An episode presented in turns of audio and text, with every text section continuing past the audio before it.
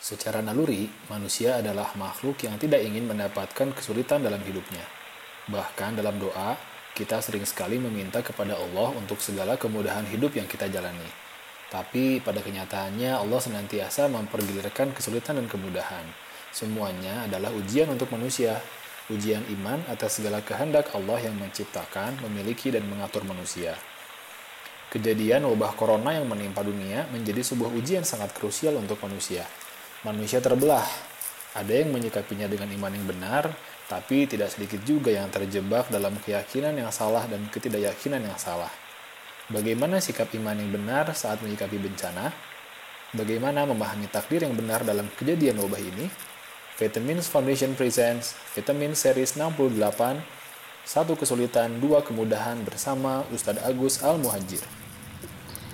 Baik, Alhamdulillah Bismillahirrahmanirrahim. Assalamualaikum warahmatullahi wabarakatuh. Alhamdulillah Alhamdulillahilladzi arsala rasulahu bil huda wa dinil haq liyudhhiru ala dini kulli wa kafa billahi syahida Ashhadu an la ilaha illallah wa ashhadu anna Muhammadan abduhu wa rasuluh. Allahumma salli wa sallim wa barik ala Muhammad wa ala alihi wa sahbihi ajmain. Amin ya Allah ya rabbal alamin Alhamdulillah segala puji bagi Allah Tuhan semesta alam yang mengumpulkan kita di kesempatan malam hari ini dengan berkah teknologi yang mudah-mudahan dengan cara seperti ini ini pun bisa menjadikan teknologi yang kita gunakan ini menjadi jalan untuk kita melaksanakan amal soleh. Salawat dan salam semoga terlimpah curah untuk Nabi kita Muhammad Sallallahu Alaihi Wasallam kepada seluruh keluarganya, kepada para sahabatnya, kepada para tabi'in, tabi'ut tabi'in dan insya Allah mudah-mudahan untuk kita semuanya umatnya yang ada di akhir zaman ini. Alhamdulillah, terima kasih banyak teman-teman Vitamin yang sudah mengupayakan, mengikhtiarkan untuk kita bisa tetap tersambung silaturahim kita dalam uh, kajian online kali ini, ya, taklim series Stay at Home Mudah-mudahan penuh dengan keberkahan malam hari ini. Yang uh, malam hari ini kita coba untuk mempelajari beberapa hal karena kalau kita bicara tentang kehidupan kita ini ada satu rumus yang memang harus kita pahami ketika kita menjalani kehidupan kita yaitu hidup kita itu tergantung bagaimana kita menyikapinya. Allah Subhanahu wa taala sudah mengatakan kepada kita semuanya, sudah menyampaikan di dalam ayat-ayat yang begitu sangat luar biasa. A'udzubillahiminasyaitonirrajim. Allah Subhanahu wa taala berfirman, "Alladzi khalaqal mauta wal hayata liyabluwakum ayyukum ahsanu amala." Di mana Allah Subhanahu wa taala sudah mengingatkan kepada kita sesungguhnya Allah Subhanahu wa taala menciptakan yang namanya kematian, Allah Subhanahu wa taala menciptakan juga yang namanya kehidupan itu adalah liyabluwakum ayyukum ahsanu amala, yaitu untuk kita diuji oleh Allah Subhanahu wa taala. Dan ketika kita bicara tentang ujian kehidupan kita ini ada juga satu ayat, dua ayat tepatnya. Yang dua ayat itu kalau kita fahami ini akan membuat kita menjadi sangat tenang menjalani kehidupannya, kehidupan kita. Ayat tersebut ada di dalam surat Al-Hadid ayat ke-23 dan surat Al-Hadid ayat ke-24. Di mana Allah Subhanahu wa taala berfirman, "A'udzubillahi minasyaitonirrajim." Ini bercerita tentang sebuah warna dalam kehidupan kita. Tadi memang Allah Subhanahu wa taala sudah menyampaikan bahwa uh, Allah itu menciptakan kematian, Allah menciptakan kehidupan itu adalah untuk dijawab oleh kita, dijawab dengan uh, amal-amal uh, yang paling baik. Dan ketika bicara tentang warna kehidupannya itu sendiri, Allah Subhanahu wa taala sudah sejak awal menyampaikan di dalam surat Al-Hadid ayat 23 dan 24. Bunyinya kurang lebih seperti ini. Auzubillahi minasyaitonirrajim. Ma asaba min musibatin fil ardi wala fi anfusikum illa fi kitabim min qabli an nabra'aha inna dzalika 'ala Allah yasir. Itu di ayat ke-22, di ayat ke-22 ya. Di mana Allah Subhanahu wa taala menyampaikan bahwa ketika manusia ini ada di dalam kehidupan dunia, ma'asaba min musibah, tidak ada suatu bencana pun. Ma'asaba min musibah fil ardi wala fi anfusikum. Tidak ada sebuah kejadian, tidak ada sebuah musibah, yang menimpa di bumi juga pada individu-individu dirimu sendiri. Jadi secara globalnya kita bicara tentang kejadian dunia, lalu kemudian secara pribadinya juga kita bicara tentang manusia itu sendiri. Tidak ada satu bencana pun yang menimpa di bumi dan tidak pula yang ada pada dirimu sendiri. Yang kata Allah Subhanahu wa taala itu adalah illa fi kitabin min qabli an nabra'aha. Bahwa semua yang terjadi yang terjadi di muka bumi ini yang sekarang sedang kita jalani ataupun yang ke depannya ataupun kemudian juga yang sudah terjadi itu semuanya kata Allah Subhanahu wa taala telah tertulis di dalam sebuah kitab yang namanya itu di Lauhul Mahfuz. Sudah tertulis semuanya itu. Sudah tertulis. Jadi termasuk juga kasus corona di hari ini sampai kemudian kena ke Indonesia, sampai kena ke uh, berbagai negeri, itu sudah tercatat oleh Allah. Ini sudah diskenariokan oleh Allah Subhanahu wa taala sebelum kami menciptakannya bahkan kata Allah Subhanahu wa taala. Illa fi kitabin min qabli an. Kemudian kita bertanya mungkin, wah bagaimana ini? Uh, sebuah kejadian tapi sudah tertulis. Kata Allah Subhanahu wa taala, "Inna Allah yasir." Dan sesungguhnya kata Allah Subhanahu wa taala, yang demikian itu mudah bagi Allah Subhanahu wa taala. Mudah bagi Allah untuk mencatat sesuatu terlebih dahulu sebelum kejadian. Ini adalah bicara tentang ilmunya Allah Subhanahu wa taala. Ilmunya Allah Subhanahu wa taala. Allah memiliki sebuah kehendak. Ini kita sebut sebagai iradahnya Allah Subhanahu wa taala. Allah memiliki kehendak. Dan Allah Subhanahu wa taala sudah menentukan kehendak-kehendaknya tersebut. Ditulislah berbagai kejadian itu Ya, ditulislah berbagai kejadiannya itu, termasuk juga kejadian kita hari ini. Itu sudah ditulis. Ya, kita coba untuk meminjam kepada tafsir dari Ibnu Kasir. Karena tentu ketika kita memahami satu ayat, ini kita sudah punya metodologinya. Ya. Jadi kalau memahami Al-Quran itu kita tidak bisa nebak-nebak, teman-teman. Karena uh, di dalam metodologi memahami Quran itu ada yang namanya metode tafsir, ada yang namanya ilmu tafsir dan ilmu tafsir ini adalah ilmu pasti. Mohon maaf saya berkata tentang ilmu ini adalah ilmu pasti. Kenapa? Karena yang menjelaskan ayat ini adalah nabi. Yang menjelaskan Al-Qur'an itu adalah nabi karena tugasnya nabi itu adalah yatslu alaihim ayati wa yuzakihim wa yu'allimuhumul kitab wal hikmah. Allah Subhanahu wa taala menugaskan kepada nabi itu untuk menyampaikan Al-Qur'an. Dan ketika ada beberapa yang perlu dijelaskan, oleh Nabi dijelaskan langsung. Nah, inilah sebuah metodologi yaitu untuk menerangkan tentang ayat kita meminjam pemahamannya Nabi. Harus Nabi yang menjelaskannya itu. Dan kemudian Nabi Shallallahu Alaihi Wasallam itu nanti juga itu menunjuk beberapa orang secara otorati, uh, otot, uh, otoritasnya ya diberikan otoritas untuk menafsirkan atau mengajarkan tafsir Al-Quran. Di antaranya ada Ibnu Abbas, ada Ibnu Mas'ud, ada Abu Bakar As-Siddiq, ada kemudian juga Umar bin Khattab, ada Utsman bin Affan dan beberapa sahabat. Uh, mereka ini punya otoritas untuk menerangkan tentang ayat. Ya, ini sengaja saya kemudian sampaikan terlebih dahulu agar kita tidak sembarangan untuk memahami ayat. Ayat ini sudah dijelaskan oleh Nabi, sudah dipahami juga oleh para sahabat. Dan salah satunya itu tercantum di dalam satu uh, tafsir Ibnu Kasir karena tafsir Ibnu Kasir ini banyak merujuk kepada uh, Ibnu Jarir atau Bari. Imam atau Bari sendiri adalah seorang yang mengkodifikasi ya, mengkodifikasi penjelasan tentang Al-Qur'an dari Ibnu Abbas sampai kepada Rasulullah Shallallahu alaihi wasallam. Nah, kita coba meminjam pemahaman atau yang dijelaskan oleh Ibnu Kasir berkenaan dengan ayat tersebut bahwa Allah Subhanahu wa taala ketika menerangkan tentang satu ayat, ma asaba min musibatin fil ardi wala fi anfusikum, tiada suatu bencana yang menimpa di bumi dan tidak pula pada dirimu sendiri di Al-Hadid ayat ke-22 itu, maksudnya adalah Allah Subhanahu wa taala menceritakan tentang takdir yang telah ditetapkan telah ditetapkan oleh Allah Subhanahu wa taala atas makhluknya sebelum dia menciptakan semuanya. Ya. Qatadah menjelaskan tentang hal ini, mengatakan bahwa makna yang dimaksud musibah itu misalnya yang terjadi di bumi. Entah itu paceklik, entah itu kekeringan, entah itu musim hujan, termasuk juga musim wabah yang namanya virus ini. Itu sudah ditetapkan oleh Allah Subhanahu wa taala. Nah, kalau misalnya uh, bicara tentang fi anfusikumnya itu, Lalu uh, dijelaskan juga oleh Qatadah yang dikutip oleh Ibnu Katsir mengatakan bahwa ini berkenaan dengan kondisi pribadi-pribadi kita, individu-individu kita. Qatadah mengatakan, ini bercerita, diceritakan menurut riwayat, menurut hadis.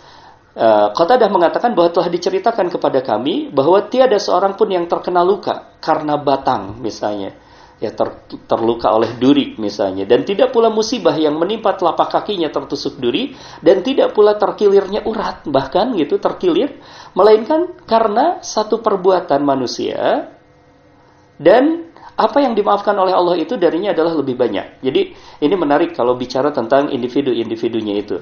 Ini memang sudah di uh, apa dituliskan oleh Allah Subhanahu wa taala, diketahui oleh Allah Subhanahu wa taala, tetapi ada hubungannya dengan perbuatan manusia. Ada hubungannya dengan perbuatan manusia. Sehingga kemudian Ibnu Kasir langsung menyambungkan dengan kalimat yang berikutnya yaitu illa fi kitabi min qabli an nabra'aha, melainkan telah tertulis dalam kitab Lauhul Mahfuz sebelum kami menciptakannya. Imam Ahmad bin Hambal menerangkan tentang ayat ini bahwa ayat ini adalah merupakan dalil paling akurat yang membantah golongan Qadariyah jadi ini sedikit kita menyinggung tentang uh, Qadariyah dan Jabariyah untuk mengokohkan pemahaman kita. Karena ketika menyikapi berbagai kejadian ini, eh, sekarang kita bisa melihat ya orang-orang terbelah tuh pemahamannya. Ada yang mengaku ahlu sunnah wal jamaah, ternyata dia terjebak menjadi Jabariyah. Ada orang yang mengaku ahlu sunnah wal jamaah, ternyata ternyata juga terjebak menjadi Qadariyah. Nah ini adalah uh, satu bantahan terhadap yang namanya uh, Qadariyah ya, bantahan terhadap Qadariyah. Kata Imam Ahmad bin Hambal, ayat ini merupakan dalil yang paling akurat yang membantah golongan Qadariyah yang di mana golongan Qadariyah ini menafikan adanya pengetahuan Allah yang terdahulu. Jadi kalau orang Qadariyah itu ciri khasnya adalah uh, Allah tuh tidak uh, tidak turut campur, ya, berlepas tangan. Allah tuh nggak tahu dengan sesuatu yang terjadi Uh, kemudian semuanya adalah sebuah perilaku manusia saja, semuanya adalah kehendak manusia saja, gitu ya. Ini ciri khasnya pemahaman orang-orang Qadariyah, sehingga menafikan pengetahuan Allah terhadap sesuatu yang akan terjadi. Itu ciri khasnya orang Qadariyah. Dibantah oleh ayat ini bahwa semuanya itu sudah tercatat. Allah tuh tahu. Allah tuh maha tahu dengan apa pun yang terjadi di dalam kehidupan kita.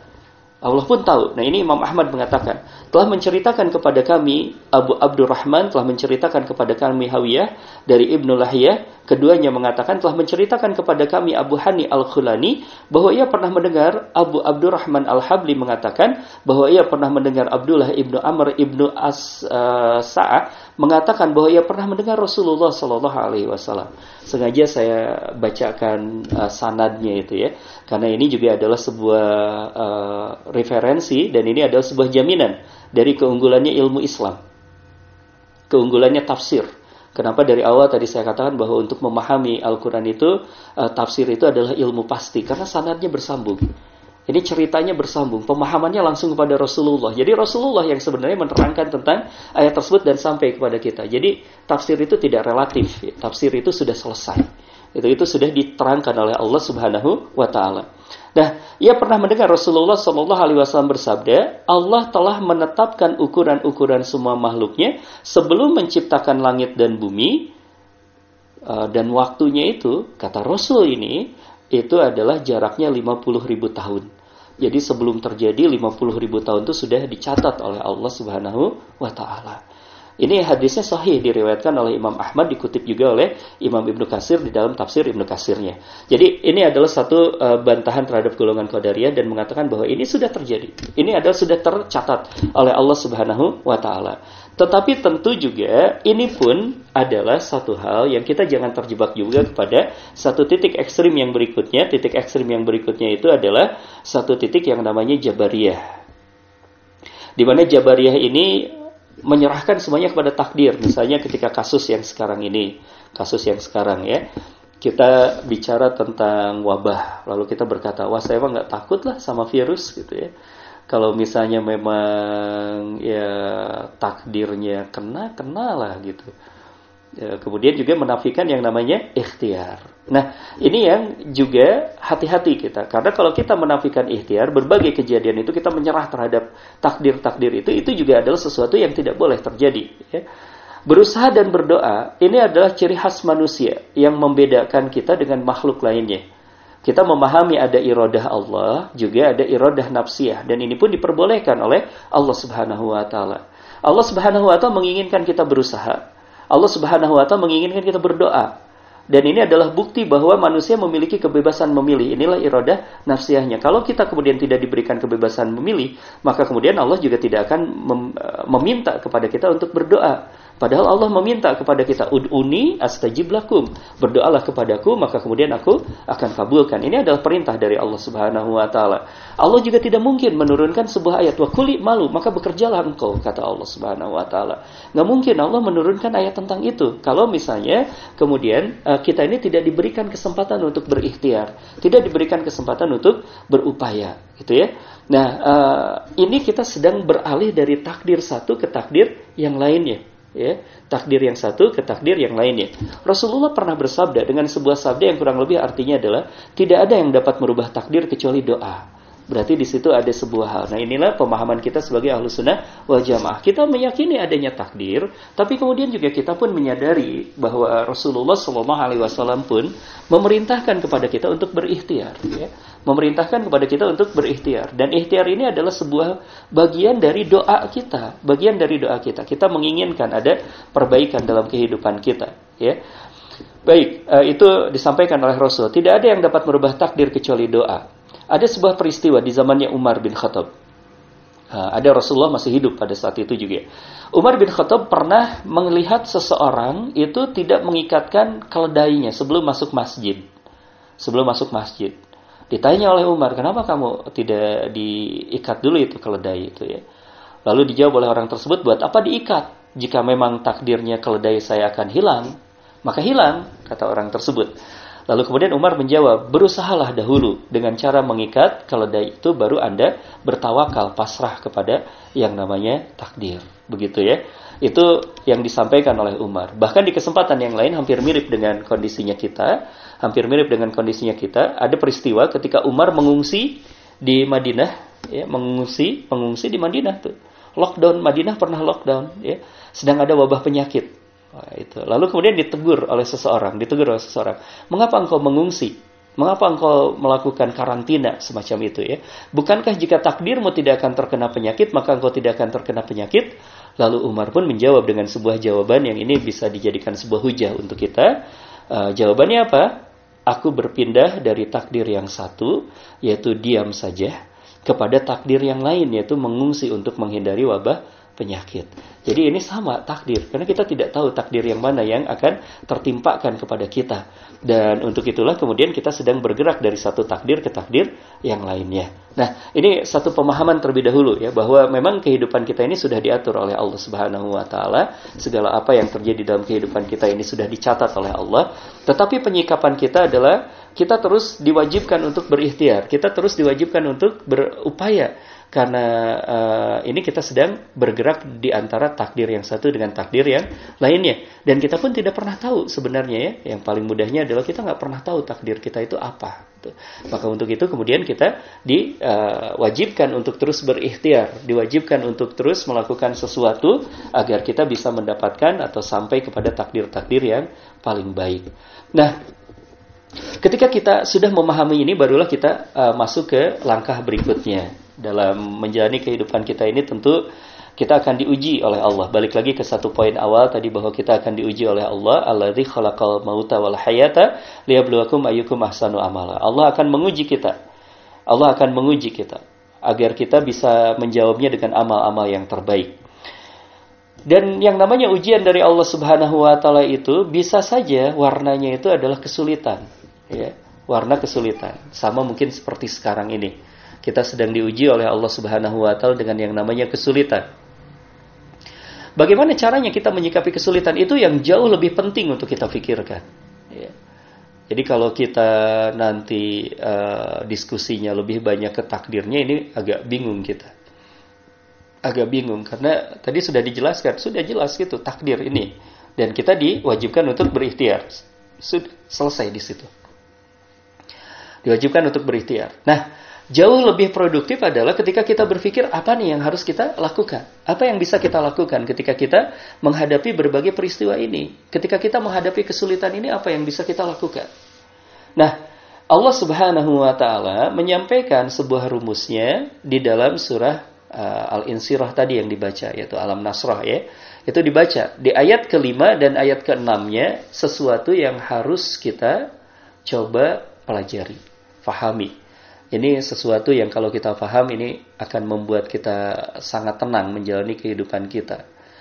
Allah Subhanahu wa taala berfirman di dalam uh, Al-Insirah ayat 5 dan ayat ke-6, A'udzubillahi minasyaitonirrajim, fa inna ma'al usri yusra. Inna ma'al usri yusra. Itu yang disampaikan oleh Allah. Kata Allah, ma'a bahasanya. Ya tapi memang diterjemahkan di terjemah bahasa Indonesianya kadang-kadang seperti ini diterjemahkannya itu. Karena sesungguhnya sesudah kesulitan ada kemudahan. Begitu ya kalau misalnya dilihat di terjemah sekarang. Boleh dibuka. Terjemah sekarang itu seperti itu kan ya? Karena sesungguhnya sesudah kesulitan itu ada kemudahan. Padahal bahasanya itu adalah ma'a. Ini jauh lebih bisa kita pahami sebenarnya adalah fa'inna maka sesungguhnya ma'a bersama ma'a. Ma'a itu bersama. Ma'a usri yusra. Sesungguhnya bersama kesulitan itu ada kemudahan. Sesungguhnya bersama kesulitan itu ada kemudahan. Allah Subhanahu wa taala sampai dua kali bercerita tentang hal ini. Sesungguhnya bersama kesulitan itu ada kemudahan. Sesungguhnya bersama kesulitan itu ada kemudahan Baik, kita coba tadaburi terlebih dahulu informasi dari Allah Subhanahu wa taala, khabar dari Allah ini, ayat yang sifatnya khabar ini. Bahwa Allah Subhanahu wa taala menyampaikan sesungguhnya bersama kesulitan itu ada kemudahan. Satu hal yang saya resapi, saya tadaburi dari ayat ini berarti kalau Allah Subhanahu wa taala mentakdirkan sesuatu yang buruk terjadi di muka bumi, itu pada intinya sebenarnya tidak uh, tidak berupa keburukan buat kita. Sebenarnya tidak 100% itu warnanya tuh buruk. Karena justru bersama dengan keburukan itu, bersama dengan kesulitan itu yang kita anggap keburukan tadi itu, itu ada kemudahan.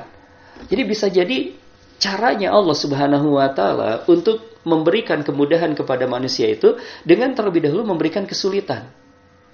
Dengan memberikan kesulitan. Ini ada sebuah penjelasan ya dari Ibnu Hatim dari Ibnu Hatim dari Rasulullah Shallallahu Alaihi Wasallam. Ibnu Hatim mengatakan telah menceritakan kepada kami Abu Jar'ah telah menceritakan kepada kami Mahmud ibnu Gailan telah menceritakan kepada kami Hamid ibnu Hamad ibnu Abu Khorwal alias Abu Jaham telah menceritakan kepada kami Aiz ibnu Shuraih yang mengatakan bahwa Anas ibnu Malik pernah menceritakan bahwa Nabi Shallallahu Alaihi Wasallam duduk dan di hadapannya terdapat sebuah batu. Lalu kemudian beliau bersabda. Jadi kalau misalnya kita lihat beberapa uh, apa karakternya hadis Nabi, ini Nabi itu bukan hanya seorang guru yang baik ya bagi para sahabat itu, tapi uh, juga kerap kali bercoraknya itu seperti seorang coach pelatih karena memang seperti itulah ya yang dilakukan oleh Rasulullah. Rasulullah itu mentarbiah, mengcoach para sahabatnya itu. Jadi Rasulullah melihat batu bersama dengan para sahabat sedang duduk di depannya ada batu. Anas bin Malik yang cerita. Lalu kemudian beliau bersabda, Rasulullah Shallallahu Alaihi Wasallam bersabda, apa yang disampaikan oleh Rasulullah Shallallahu Alaihi Wasallam? Seandainya kesulitan datang, kata beliau.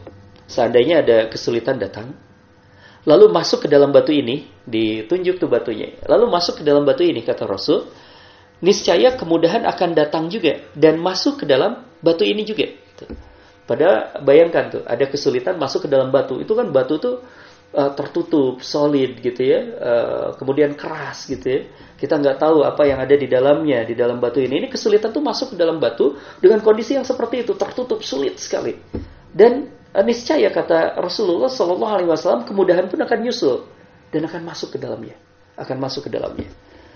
Kemudahan pun akan datang dan masuk ke dalamnya, lalu kemudian si kemudahan ini akan mengusir ke sulitan tadi itu, akan mengusir kesulitan tadi itu. Masya Allah. Jadi itu tabiatnya. Sehingga inilah penjelasan dari ayat tadi itu. Fa inna ma'al usri usron itu, fa inna ma'al uh, usri usron itu adalah segala keburukan itu, segala kesulitan itu pasti itu dikejar dengan yang namanya kemudahan. Pasti itu rumusnya.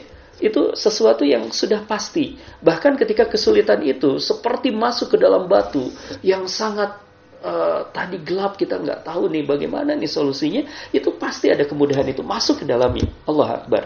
Itu uh, diterangkan ya di dalam tafsir Ibnu Kasir.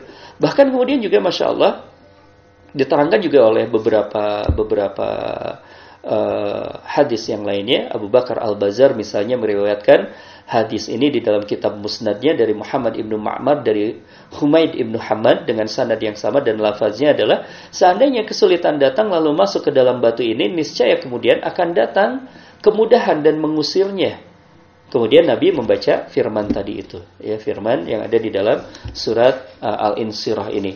Masya Allah. Ini sebuah janji dari Allah Subhanahu wa taala. Bahkan pernah diceritakan juga oleh para sahabat. Yang menceritakannya ini adalah Hasan. Hasan bercerita, saya uh, melihat pada satu hari kata beliau, Nabi itu keluar dalam keadaan senang, riang, tersenyum. Ya, ini Nabi senang, riang dan tersenyum. Lalu kemudian beliau bersabda, Wah, ini berarti Rasulullah itu mendapatkan sesuatu kabar baik buat kita. Kabar baik buat manusia, ya. Kabar baik pada saat itu buat sahabat dan sampai juga kepada kita. Ini kabar baik buat kita juga. Sampai Rasulullah itu cerah sekali wajahnya itu. Tersenyum cerah sekali menemui para sahabat. Lalu Rasulullah bersabda dengan sebuah sabda yang sangat luar biasa kata beliau, para sahabatku, kurang lebih seperti itu ya. Sahabat ngumpul lalu kemudian Rasul berkata bersabda sesungguhnya kata beliau satu kesulitan itu tidak dapat mengalahkan dua kemudahan. Satu kesulitan itu tidak akan mengalahkan dua kemudahan. Dua kali Rasul bilang seperti itu. Satu kesulitan itu tidak mungkin mengalahkan dua kemudahan. Satu kesulitan itu tidak mungkin mengalahkan dua kemudahan. Jadi satu kesulitan dua kemudahan itu rumusnya kata Rasulullah Sallallahu Alaihi Wasallam sambil tersenyum tuh. Rasulullah menyampaikan itu satu kesulitan itu tidak bisa mengalahkan dua kemudahan. Karena sesungguhnya sesudah kesulitan itu ada kemudahan, sesungguhnya setelah setelah kesulitan itu ada kemudahan. Rasulullah ingin menerangkan tentang ayat itu. Ayatnya saja berbicara tentang dua kali kemudahan. Dan kata Rasulullah itu dua kemudahan itu tidak bisa satu kesulitan itu tidak bisa mengalahkan dua kemudahan. Ini mengingatkan kepada kita bahwa kalaupun sekarang ini kita misalnya sedang sulit, saya juga mendapatkan banyak informasi dari teman-teman yang lain ya, industri turun sekarang ini ya, sulit sekali. Ada beberapa industri yang bahkan kolaps gitu ya, bahkan sampai ada yang ya banyak hal yang terjadi. Ya, bahkan uh, kalau industri yang besar ya masih mending, masih bisa bertahan gitu ya. Pedagang-pedagang kecil sudah tidak bisa berjualan misalnya dekat rumah ini ada banyak orang-orang yang jualan nasi goreng itu sudah tidak bisa jualan. Sudah tidak bisa jualan. Nggak bisa jualan lagi. Ya kembali ke rumahnya ya nggak karena tidak tidak ada pekerjaan ya. karena biasanya jualannya malam hari malam hari sudah sepi tidak ada yang berkeliaran. Ya sulit sekali. Tapi ini adalah sebuah kabar baik bahwa di tengah kesulitan-kesulitan ini Allah menjanjikan sesuatu buat kita. Ada dua kemudahan nanti Tinggal kita bersabar saja. Nanti ada dua kemudahan yang dijanjikan dan Allah itu innallaha mi'ad. Sesungguhnya Allah itu kalau berjanji tidak pernah ingkar terhadap janjinya itu. Tinggal bagaimana kita? Apakah kita mengimani tentang ini? Apakah kita meyakini tentang hal ini? Kalau kita mengimani, kalau kita meyakini, insya Allah akan segera datang yang namanya pertolongan Allah itu. Akan disusul tuh kesulitan itu dengan dua kemudahan. Masya Allah satu kesulitan tidak akan dapat mengalahkan dua kemudahan. Lan yagliba usran yusraini. Satu kesulitan tidak akan dapat mengalahkan dua kemudahan. Ada lagi Masya Allah ya kalau kita bicara tentang hal ini uh, maka yang kita butuhkan apa yang kita butuhkan itu hanyalah kesabaran. Ini memang disampaikan juga oleh Al Hasan ibnu Sufyan mengatakan bahwa telah menceritakan kepada kami Yazid ibnu Soleh telah menceritakan kepada kami Kharijah dari Abad Ibnu Kasir, dari Abu Zanad, dari Abu Saleh, dari Abu Hurairah, dari Abu Hurairah bahwa Rasulullah pernah bersabda, nanti Kalau engkau sudah mengimani tentang datangnya pertolongan Allah itu, engkau sudah mengimani bahwa kesulitan datang satu lalu ada kemudahan dua itu, disampaikan oleh Rasul, pertolongan itu diturunkan dari langit sesuai dengan kadar pembiayaannya. Ada ada harganya. Pertolongan itu ada harganya. Kan kita lagi nanti-nanti kan pertolongan nih, kita lagi nunggu-nunggu pertolongan. Kata Rasul, ada harganya Pertolongan itu nanti datang tapi kita harus bayar dengan sesuatu, nggak gratis. Gimana caranya? Kesabaran. Bayarannya itu adalah kesabaran. Yang kata Rasulullah Shallallahu Alaihi Wasallam, kesabaran itu diturunkan sesuai dengan kadar musibah. Kalau kita sabarnya dikit, musibahnya besar, sabarnya dikit, pertolongannya juga dikit dapat ya. Tapi kalau kitanya sabar, insya Allah ini pertolongan dari Allah juga banyak sekali buat kita. Gitu ya. Insya Allah. Ini masalahnya adalah masalah apakah kita sabar atau tidak. Ini ada sebuah uh, ungkapan dari Imam Syafi'i luar biasa. Saya berulang-ulang uh, mencermati pernyataan Imam Syafi'i ini. Imam Syafi'i ini uh, menyampaikan pesannya ini dengan gaya syair. Kalau di bahasa Indonesia kan kurang lebih seperti ini. Ya. Bersabarlah dengan kesabaran yang baik. Sobrun jamila. Fasobrun jamila. Bersabarlah dengan kesabaran yang baik maka alangkah dekatnya jalan kemudahan itu. Barang siapa yang merasa dirinya selalu berada di dalam pengawasan Allah dalam semua urusan, niscaya ia akan selamat. Dan barang siapa yang membenarkan janji Allah, niscaya tidak akan tertimpa oleh musibah. Dan barang siapa yang berharap kepada Allah, maka akan terjadilah seperti apa yang diharapkannya. Dalam sekali. Ini tentu beranjak nasihat ini dari sebuah pemahaman yang benar, pemahaman yang utuh. Uh, Imam Syafi'i tentang takdir, tentang kemahabaikannya Allah, tentang bagaimana caranya menghadapi hidup ini dengan bahagia. Imam Syafi'i menyampaikan pesannya bersabarlah dengan kesabaran jamil, kesabaran yang paling baik fasobrun jamila, kesabaran yang indah. Maka alangkah dekatnya jalan kemudahan itu. Kalau kita sudah sabar, ini dekat sekali jalan kemudahan itu. Barang siapa yang merasa dirinya selalu dalam pengawasan Allah, kan kita lagi diawasin sama Allah. Wahwa ma'akum aina kuntum. Sesungguhnya Allah bersama denganmu di mana pun kau berada. Kita ini tidak pernah dilepaskan oleh Allah Subhanahu wa taala. Allah ketika menciptakan manusia, maka Allah senantiasa mengurusnya. Makanya ayat yang tadi kita awal dibaca itu di surat Al-Hadid itu meneguhkan kepada kita bahwa Allah itu tidak berlepas diri. Allah itu senantiasa mengurus kita. Tahu pengetahuan Allah meliputi berbagai peristiwa yang ada, yang terjadi, yang akan terjadi, yang sudah terjadi, yang sedang terjadi. Allah mengetahui tentang itu semuanya. Kita dalam pengawasan Allah. Dan barang siapa yang menyadari bahwa kita ini dalam pengawasan Allah dalam segala dalam segala urusan, niscaya dia akan selamat. Selamat dari apa? Selamat dari suuzon kita kepada Allah. Selamat dari berprasangka buruk kepada Allah Subhanahu wa taala. Ada orang yang mungkin akhirnya jadi berprasangka buruk, aduh ini gimana nih? Ini kayaknya kita termasuk yang akan dimusnahkan gitu. Ada kekhawatiran yang berlebihan, aduh takut ini. Gimana gitu Masya Allah. Ini bagaimana masa depan gitu. Seolah-olah kita meragukan Allah tidak mampu untuk mengurus kita lagi. Padahal Allah tuh pasti mampu akan mengurus kita. Asalkan kita yakin, asalkan kita sadar bahwa kita ini sedang diawasi oleh Allah. Sedang diurus oleh Allah. Allah nggak pernah berlepas diri. Mengurus kita nggak pernah berlepas diri. Bahkan kemarin-kemarin cobalah kita tengok kehidupan kita kemarin-kemarin Bukankah bahkan ketika kita lupa sama Allah saja Allah masih ngurus kita. Apalagi di kondisi seperti ini. Kan di kondisi seperti ini kita banyak sekali di antara kita ya. Lalu kemudian sering kali menyebut nama Allah. Ya Allah, tolong aku. Ya Allah, tolong aku. Kita sedang dekat nih sama Allah. Maka ketika kita sedang dekat kepada Allah, sedang dekat dengan Allah, juga kita beriman bahwa ada pengawasan Allah dalam segala urusan kita, kata Allah, selamat kita, insya Allah kita akan tetap memelihara prasangka yang baik kepada Allah Subhanahu wa taala. Dan di penggalan berikutnya lagi Imam Syafi'i berkata, barang siapa yang membenarkan janji Allah, apa janjinya tadi?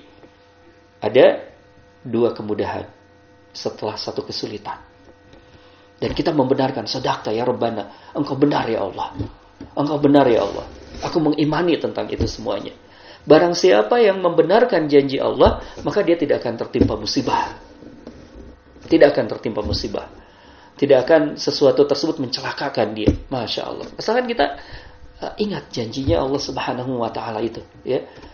Bahkan ketika kita ditimpa musibah pun kan kalau kita ingat tentang janji Allah, barang siapa yang ditimpa musibah lalu kemudian kita sabar, kesabaran ini kan baik. Inna Allah ma'as sabirin. Sesungguhnya Allah bersama dengan orang-orang yang sabar. Kita pun uh, paham tentang janji Allah itu. Dia akan selamat, tidak akan tertimpa musibah. Dan barang siapa berharap kepada Allah, ya Allah, ini kita berdoa saja kepada Allah. Banyak-banyak kita berdoa. Banyak-banyak kita beristighfar. Banyak-banyak kita berdoa. Kita berdoa. Bismillahirrahmanirrahim. wa fis sama. Masya Allah kita berdoa kepada Allah ya Allah gitu ya kita berdoa lagi ya Allah Allahumma lakal hamdu wa ilaikal mustaqa wa antal musta'an wala haula wala quwata illa billahil azim ya Allah bagimu segala pujian hanya kepadamu ya Allah aku adukan segala kesedihan ini. Hanya kepadamu ya Allah aku memohon pertolongan. La haula wala quwata illa billahil azim. Kita berharap kepada Allah. Kita memiliki keoptimisan. Ah, ini badai akan berlalu nanti dengan pertolongannya Allah. Sekarang ini malam uh, nampaknya sedang gelap. Dan kalau malam sedang gelap, apa yang bisa kita lakukan, teman-teman? Yang bisa kita lakukan satu, perbanyak sujud. Ini malam lagi gelap. Kita nggak tahu ke depannya apa yang bisa kita lakukan sujud. Di sujud itu kita nyebut apa?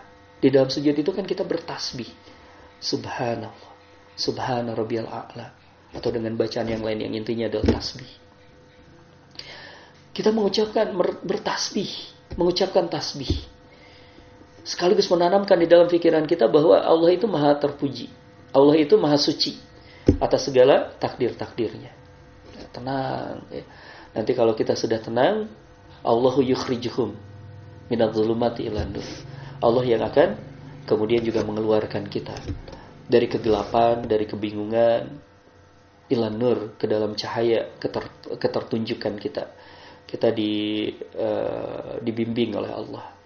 Kita diberikan ilham, kita diberikan bimbingan oleh Allah Subhanahu wa taala. Allah Akbar. Ini satu hal. Mudah-mudahan kita termasuk orang yang seperti itu juga. Karena kita berharap kepada Allah, maka akan terjadilah seperti yang diharapkan kata kata Allah tuh melalui lisan Rasulnya itu. Kita berharap dapat pertolongan, kita pelihara harapan itu, optimis itu, maka akan terjadi apa yang kita harapkan itu. Pertolongan Allah akan datang.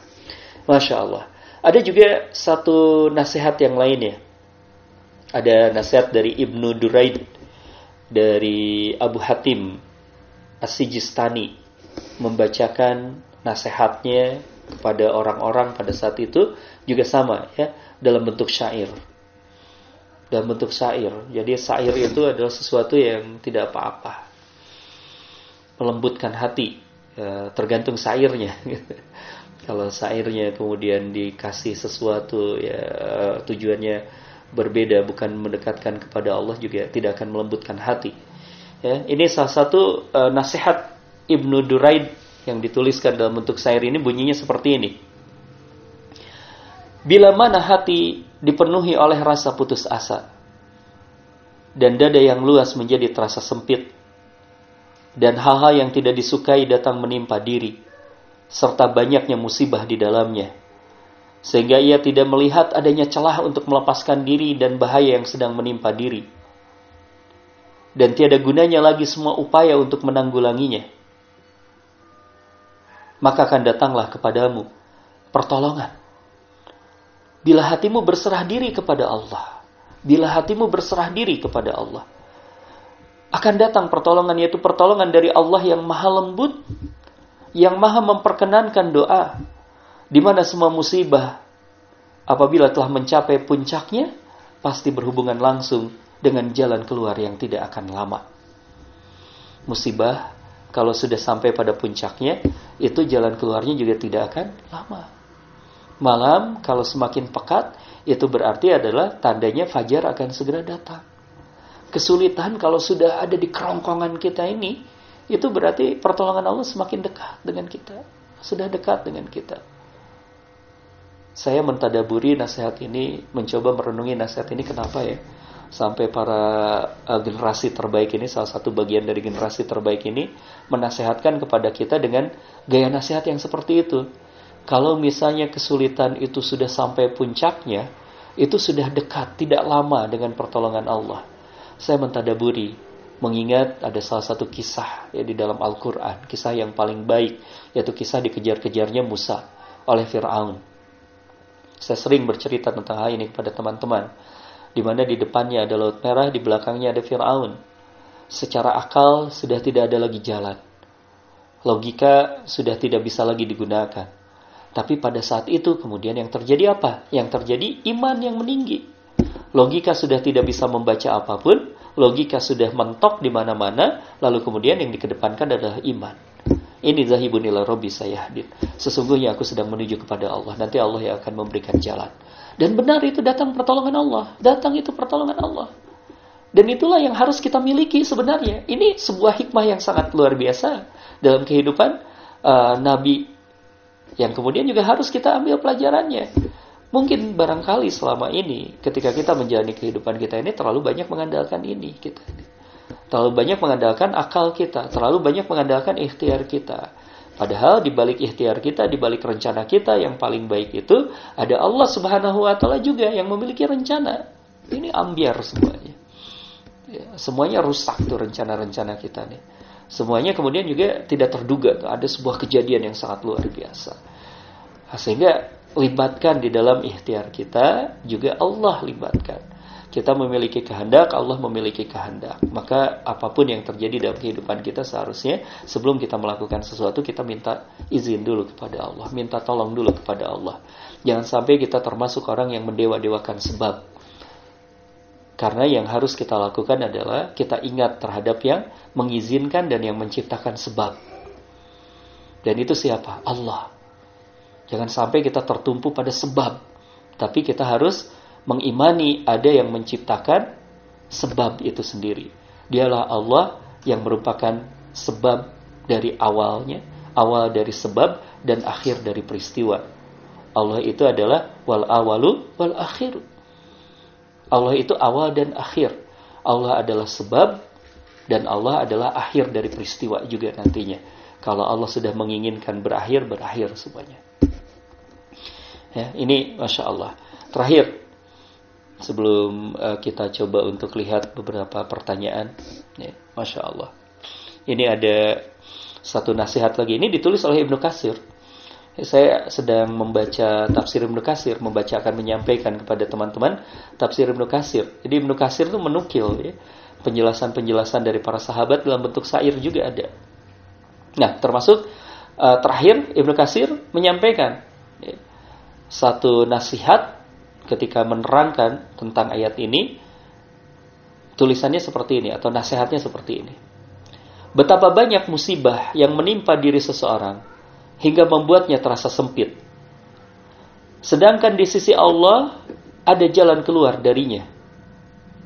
Bila mana musibah mencapai puncaknya, maka pastilah ada jalan keluarnya. Padahal yang bersangkutan mengira tiada jalan keluar darinya. Allah Akbar.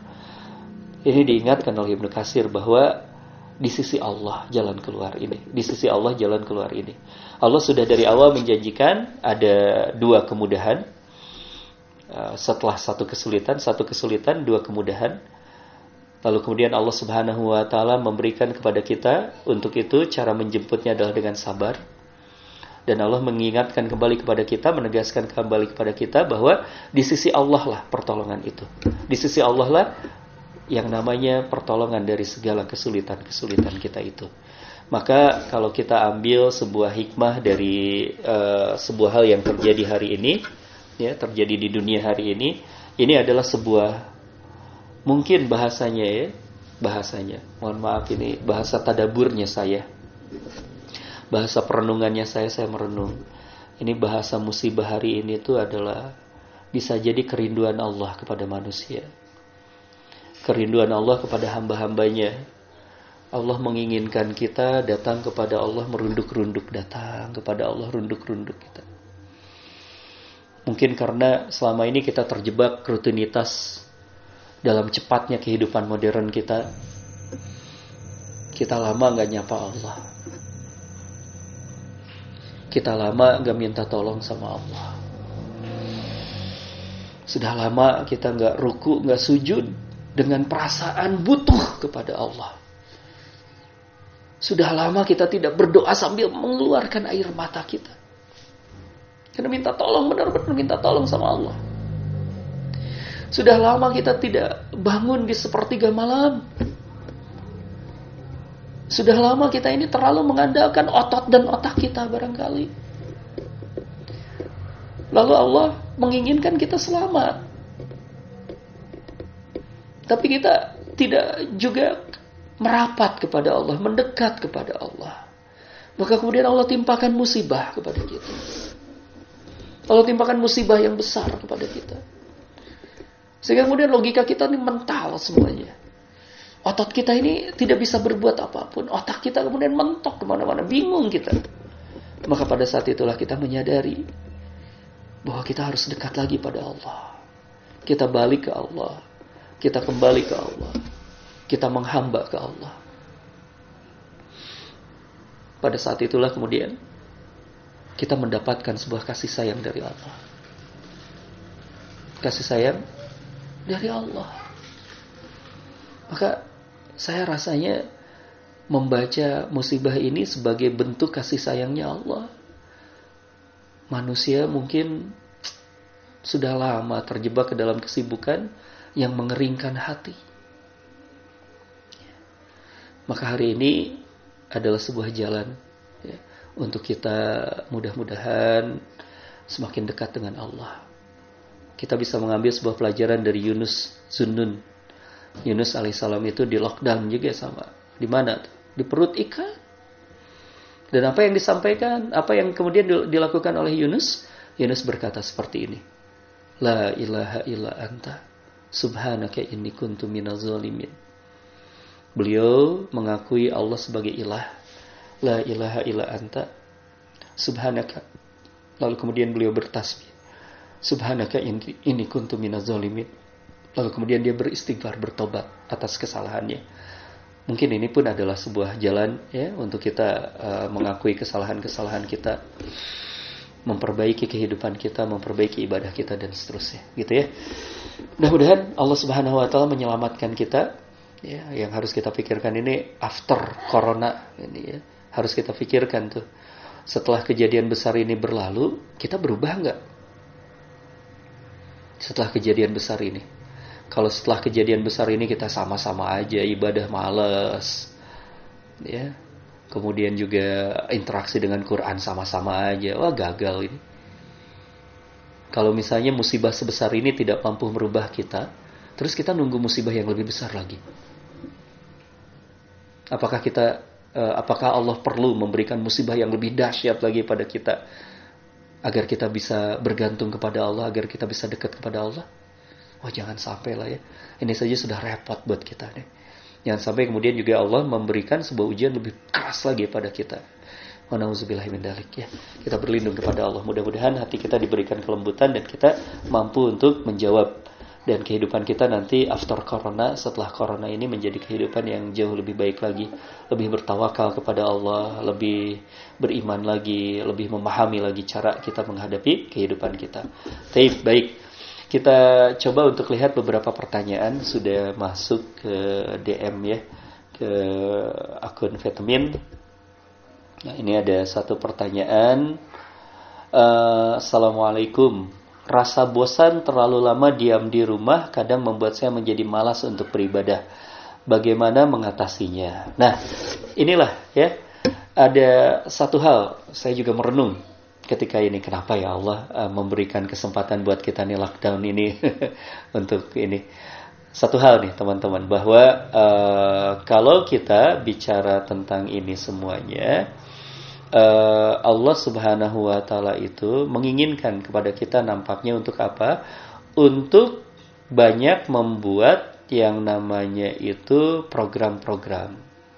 ya di rumah nih uh, akan bosan kalau kita nggak punya program. Tapi kalau kita punya program, insya Allah kita akan baik-baik saja. Uh, teman-teman uh, yang dirahmati oleh Allah Subhanahu Wa Taala, mohon maaf uh, tadi sempat terputus ya.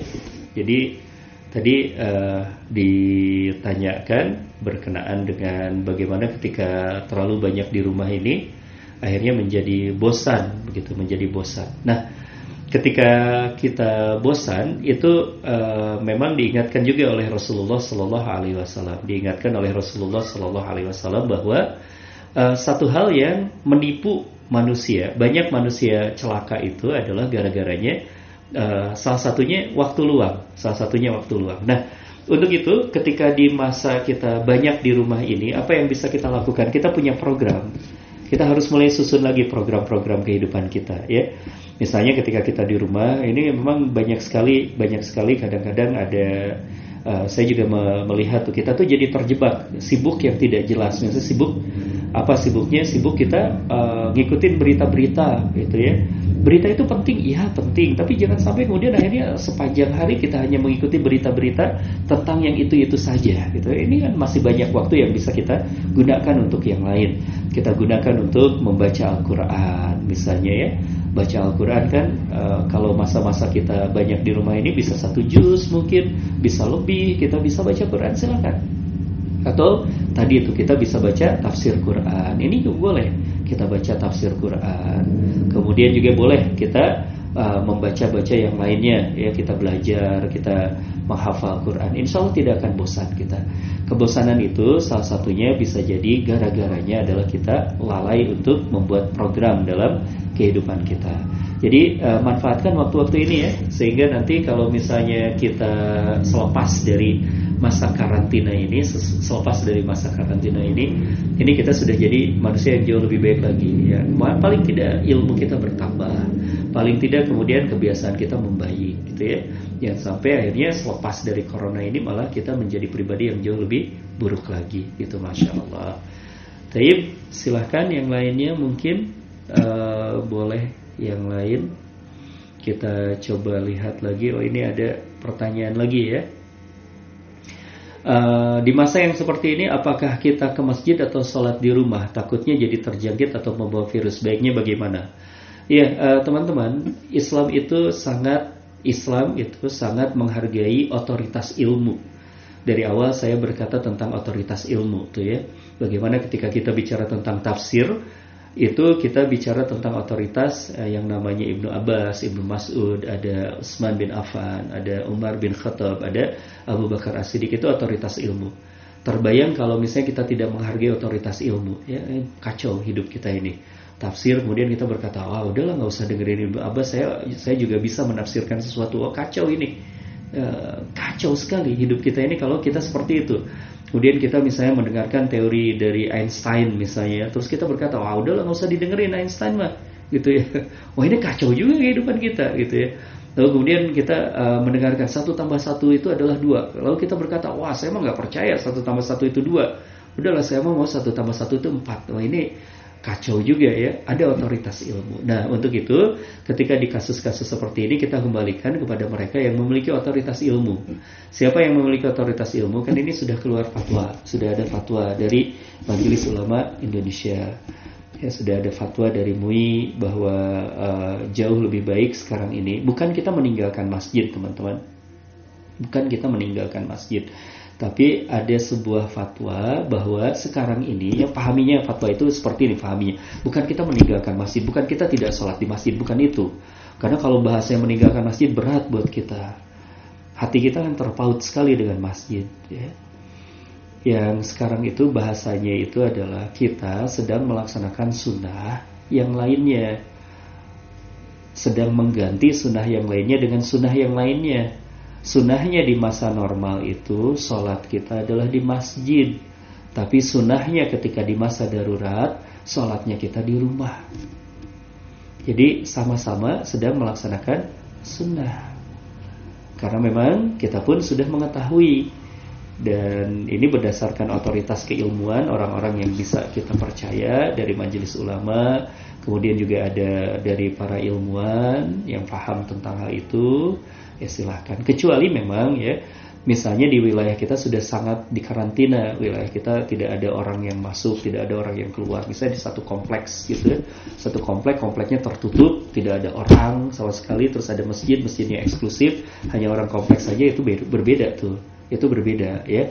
Kalau di sana berbeda. Kalau misalnya uh, itu kompleksnya tertutup dan kita tahu bahwa orang-orangnya itu sehat semuanya itu berbeda tapi kalau misalnya masjidnya itu ada di tengah tengah-tengah ya nggak tahu lah kita gitu siapa saja bisa masuk ke sana. Nah ini uh, perlu ada sesuatu pertimbangan. Jadi dalam fatwa sendiri kan ada ada ada beberapa pilihan. Kalau misalnya memang masjidnya dipastikan aman seperti tadi itu di dalam sebuah komplek yang kompleknya itu tertutup, lalu kemudian kita kenal sama Uh, dengan beberapa orangnya tersebut dan sudah dipastikan ada pemeriksaan juga, ada alat deteksi yang baik gitu ya, itu boleh lah silakan.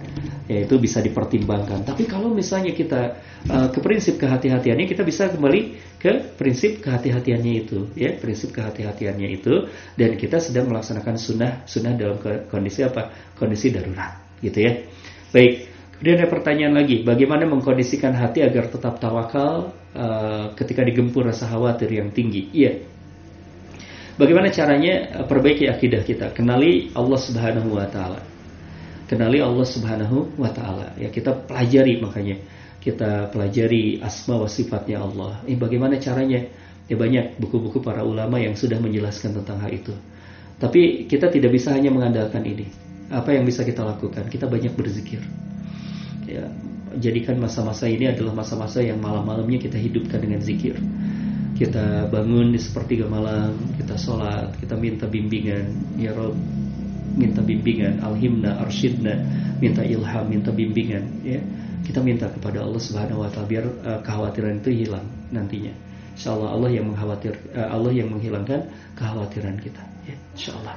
Taib ada pertanyaan berikutnya Mengingat wabah ini tidak tahu kapan beresnya, sementara pekerja banyak yang dirumahkan, usaha banyak yang ditutup. Uh, oh ini sambungan yang tadi, mungkin ya.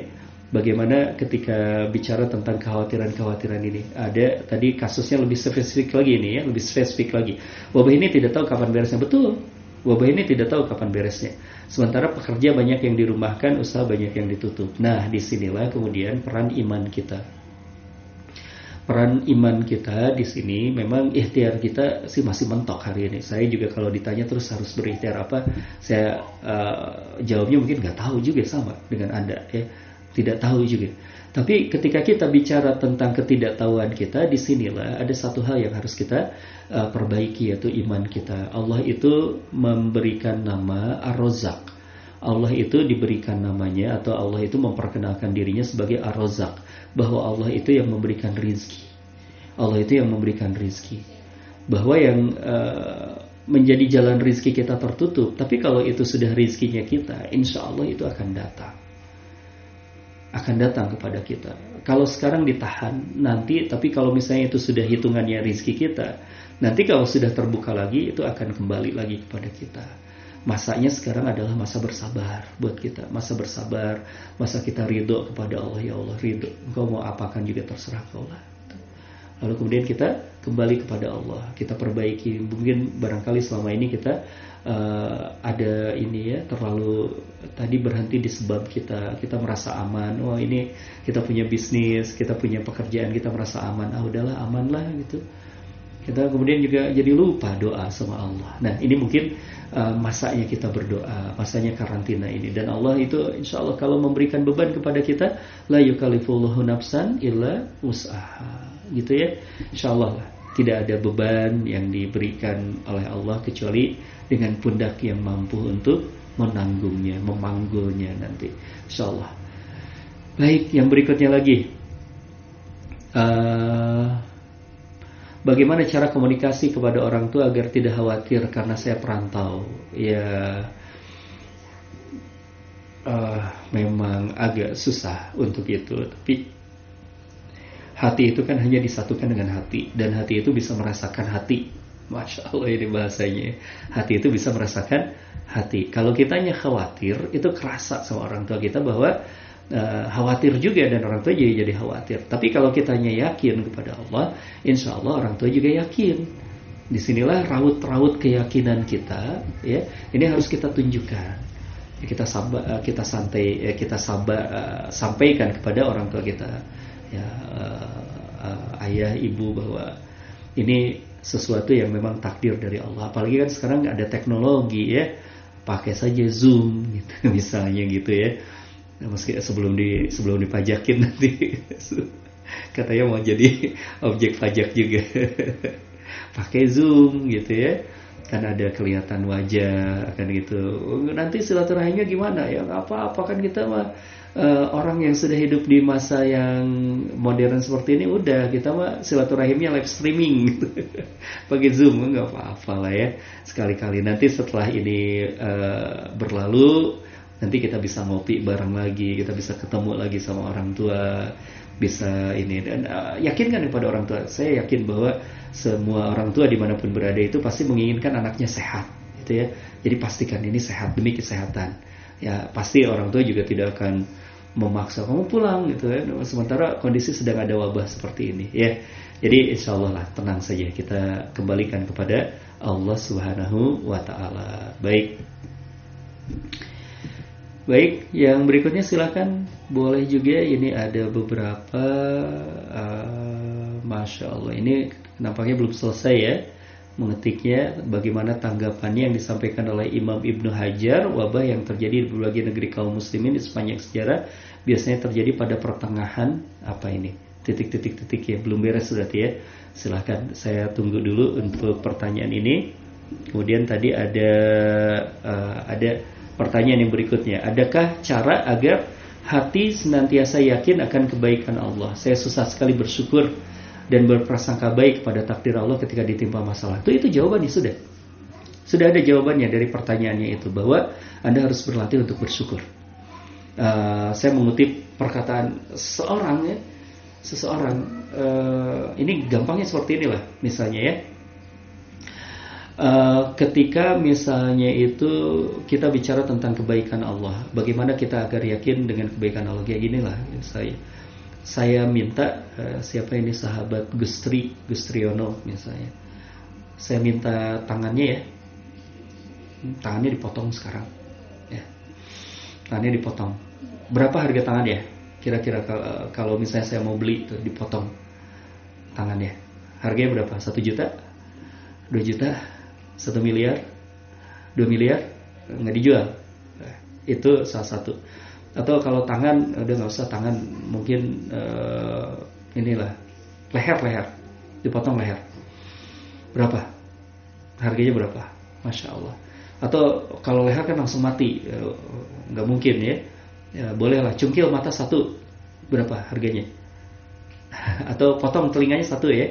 Berapa harganya itu? Masya Allah atau jantung deh jantung jantung. Jantungnya sedikit rusak aja ya. Saya butuh sedikit saja bagian dari jantungnya untuk diteliti berapa harganya. Dipotong aja sebelah gitu. Berapa? Atau uh, satu uh, usus saja 2 meter aja. Eh, usus kan usus 12 jari kan panjang tuh ya.